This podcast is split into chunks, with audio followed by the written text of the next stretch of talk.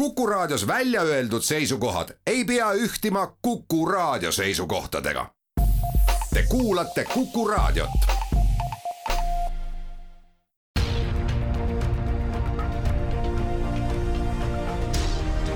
uue samba taga.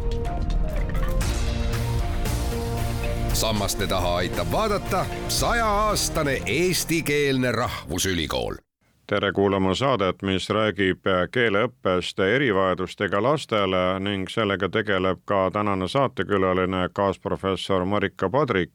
küsija on Madis Ligi. kas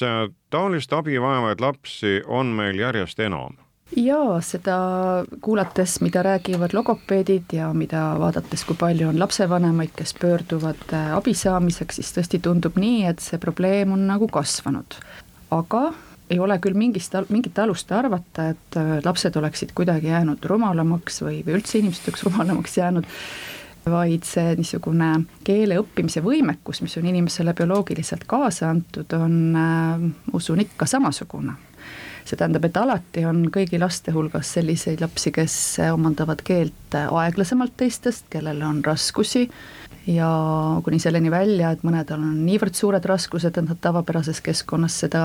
noh, ei õpigi ära. aga mis on muutunud või mispärast me nagu kuidagi räägime, et vot see probleem on suurenenud,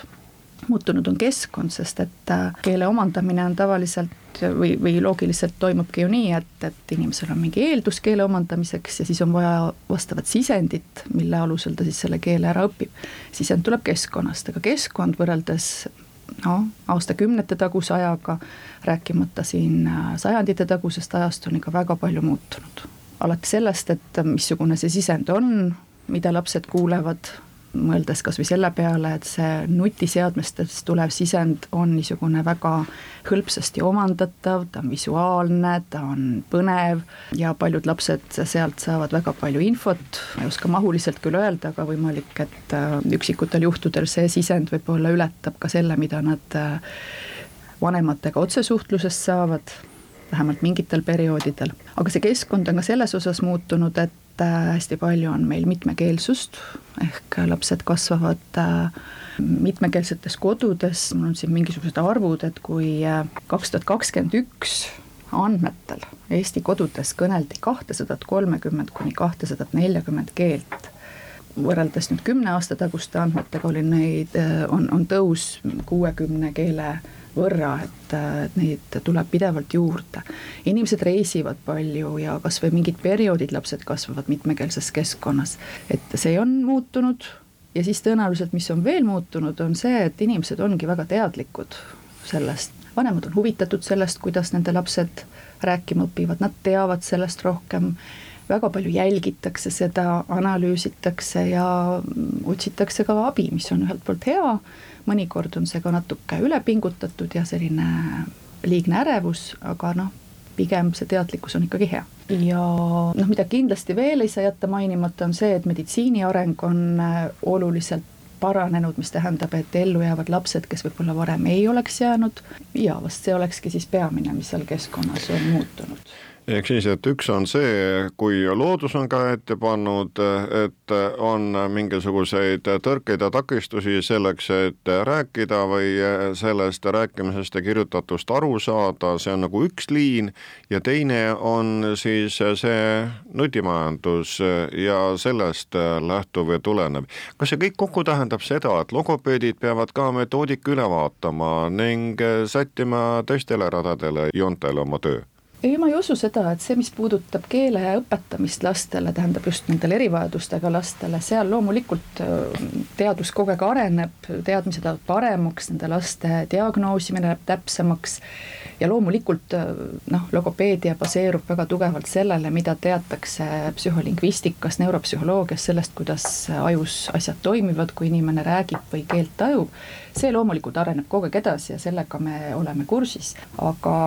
mida tõenäoliselt logopeedid rohkem teadvustama peavad, on see, et tõesti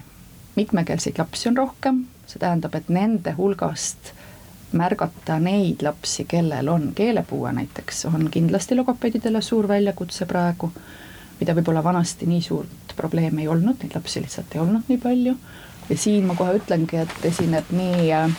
ala kui ülediagnoosimist, ehk see tähendab seda, et mõnikord äh, keelepuudega last noh, ei tunta ära, sest arvatakse, et lapsel on noh, ta on mitmekeelsest kodust, ta on alles veel vähe eesti keelega kokku puutunud, et küll tal on aega veel selleks, et küll ta õpib. ja aga juhtub siis see, et lähevad aastad tavaliselt näiteks enne kooli või ka siis märgatakse, no eks see probleem muutub ilmseks siis, kui laps läheb eesti kooli, näiteks muukeelne laps ja ta ei edene seal, noh koolis võib-olla märgatakse kiiremini seda mahajäämust, aga lasteaias tõesti mõeldakse sageli nii, et noh, pisike laps, anname talle aega aga tegelikult ei saada aru, et see probleem ei ole mitte ainult eesti keele õppes, vaid see probleem on ka tema emakeelt ta ei omanda, ehk siis ei tunta ära seda probleemi. laps vajaks hoopiski tõesti logopeedi abi seal. aga võib ka teistpidi, teistsugune probleem esineda, et neid ülediagnoositakse, ehk siis peetakse lapsi, kes alles õpivad eesti keelt teise keelena ja omandavad seda alles, peetakse neid keelepuudega lasteks nii et see on tõesti uus probleem logopeedias. ja üks asi võib-olla veel, mida logopeedid nüüd teistmoodi peavad tegema, arvestades seda, et vanemad on muutunud järjest teadlikumaks ja pöörduvad järjest rohkem, mida ma ütlesin, et on hea, on see, et äh, oluliselt rohkem tööd või teadlikumalt tuleb teha vanematega ehk siis see on ka selleks vajalik, et äh, seda olukorda, et meil siin kaasava hariduse tingimustes äh, igale äh, keelepuudega või erivajadusega lapse kõrvale jõuab üks tugispetsialist, kas siis logopeed või eripedagoog, seda kindlasti ei hakkagi juhtuma, et tõenäoliselt on siin vaja läbi mõelda, et kuidas me saame vanemaid paremini kaasata. ja just ka seda, et kuidas, sest vanemad on ju need, kes seda keelekeskkonda kodus kujundavad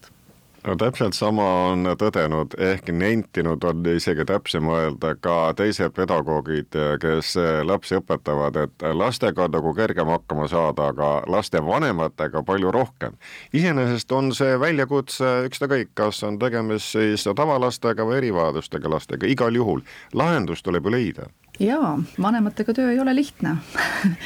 sest vanemad tulevad oma hoiakutega ja, ja välja kujunenud arusaamadega aga noh, millega me siin tudengite õpetamisel ka ikka rohkem ja rohkem tegeleme, on see, et äh, noh, seda nimetatakse nõustamiseks ja, ja nõustamise sisu on ka see, et äh, tuleb vanemaga suhelda nii, et tal tekib motiiv sinuga koostööd teha. et tuleb kõigepealt see usaldus luua, jah, see on raske, aga see on võimalik ja ma arvan, et logopeedidel on seda päris hea teha just nimelt läbi selle, et et kui vanem näeb, et siin on inimene, kes tõesti oskab tema last aidata ja ta näeb ka mingeid väikseid edusamme, see on esimene samm selleks, et usalduslik äh, koostöö võib-olla tekiks, nii et äh, noh, jah, see on teistmoodi töö kui lastega, aga ma ei ütleks, et see nüüd on nii raske ja, ja võimatu ja et on mingid vanemad, kes mitte kuidagi ei taha seda teha, vastupidi, vanemad mõnikord kurdavad, et nad tahaksid teha rohkem tööd, koostööd logopeediga, tahaksid oma lapsi aidata, aga nad ei oska hästi, nii et see on küll üks asi, millega me nüüd viimasel ajal järjest rohkem tegeleme ja logopeedide väljaõppes see muutub järjest olulisemaks.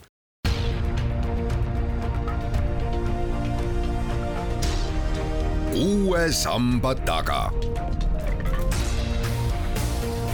sammaste taha aitab vaadata sajaaastane eestikeelne rahvusülikool proua kaasprofessor, aga loodetavasti on nii, et ikkagi vanemad küllalt aegsasti juba pöörduvad logopeedi poole, olgu siis lasteaias või olgu koolis või ka enne seda, et tullakse vastuvõtule selleks, et oma probleemidele saada mingisugust selgitust ja juhatust, kuidas edasi käituda. On erinevaid vanemaid, on tõesti neid, kes tulevad hästi vara ja on väga murelikud, on väga ärevad oma lapse arengu pärast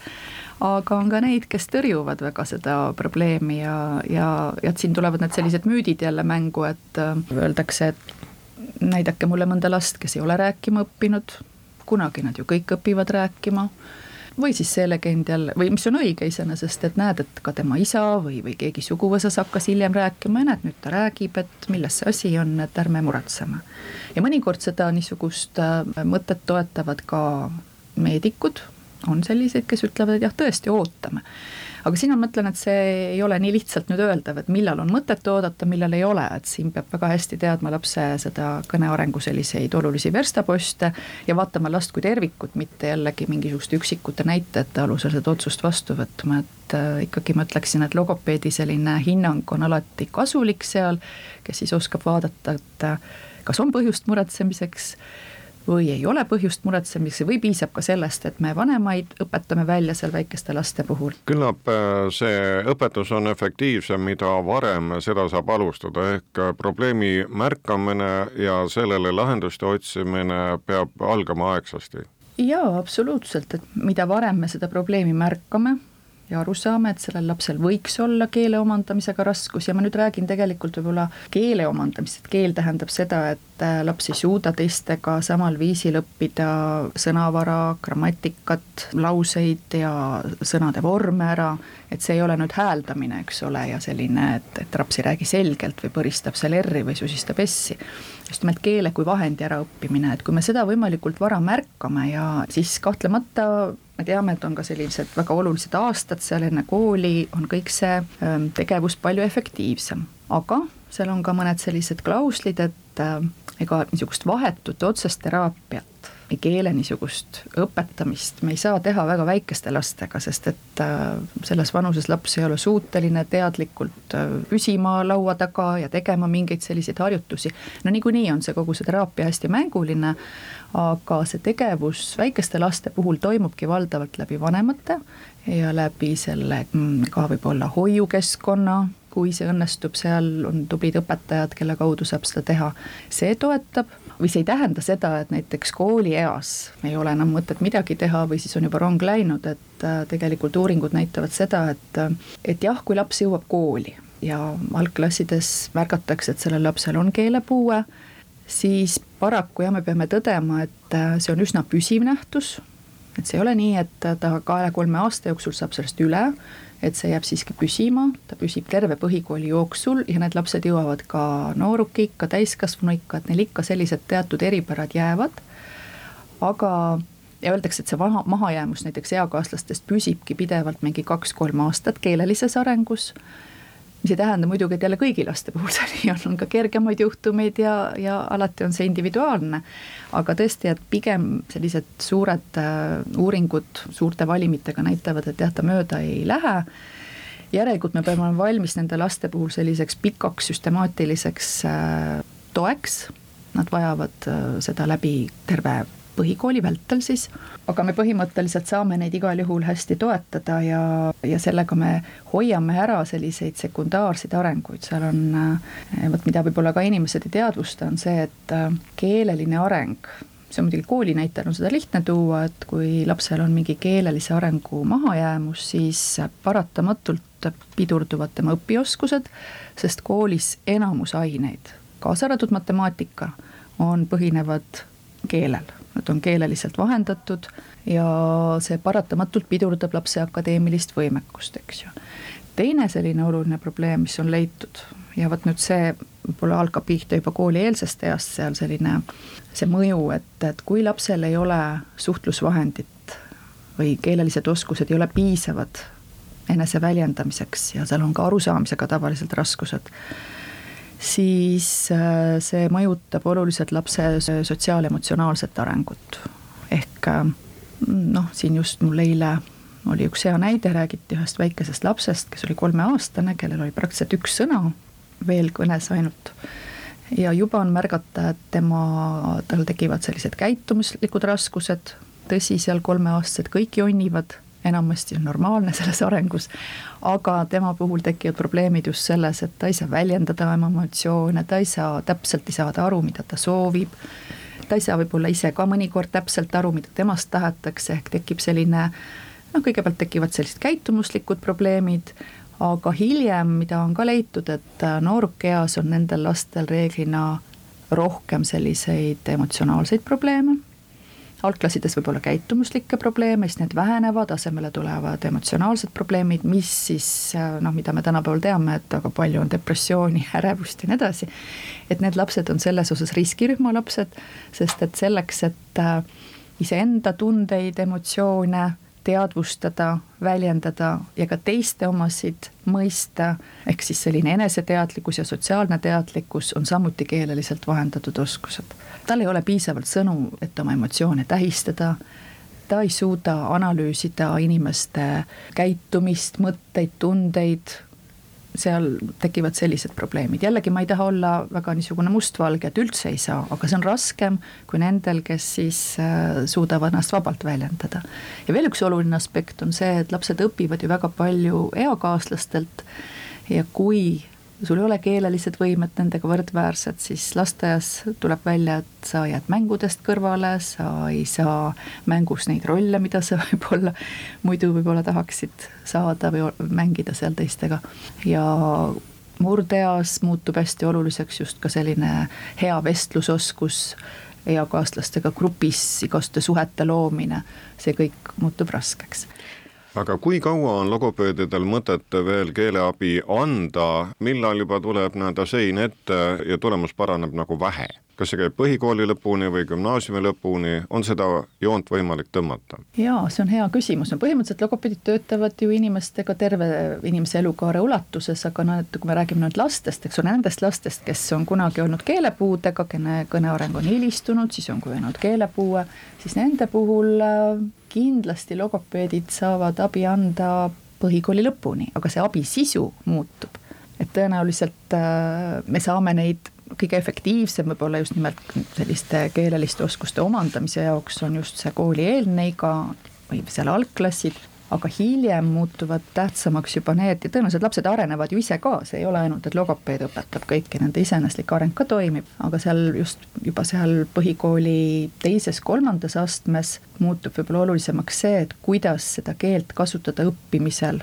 kuidas äh, koostada tekste, aru saada tekstidest, äh, kuidas äh, suhelda, vestelda, sellised pragmaatilised oskused on need, mida need lapsed siis vajavad. Ja muidugi ma pean ütlema, natuke tuhka pähe raputama, et ega meil Eestis selle asjaga veel hästi ei ole, et esiteks meil ju ei jätku neid logopeede igale poole ja tõesti eriti ei jätku neid sinna põhikooli teise-kolmandasse astmesse, ma ei arvagi, et võib-olla, et see peab see logopeed seal koolis tingimata töötama, seal töötavad valdavalt eripedagoogid, aga tõesti, need lapsed vajavad logopeedi abi ka siis, aga tõesti natuke teistes asjades, seal suhtlemisoskuse kujundamise osas võib-olla rohkem. aga kokkuvõtvalt äh, te võite julgustada, et kui väikesel inimesel on äh, probleeme, siis tasub igal juhul abi küsida, abi otsida, et aegsasti juba hakata sammu seadma, kuidas äh, ta elu kergemaks teha ja talle oskusi, teadmisi juurde anda. jaa, kindlasti, kindlasti, mitte mingit kahtlust ei ole selles, et küsida igal juhul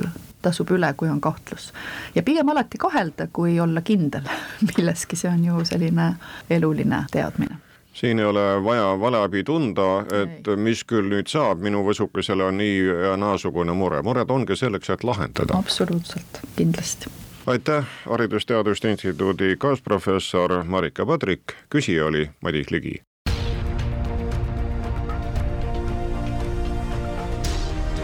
Uue samba taga. sammaste taha aitab vaadata sajaaastane eestikeelne rahvusülikool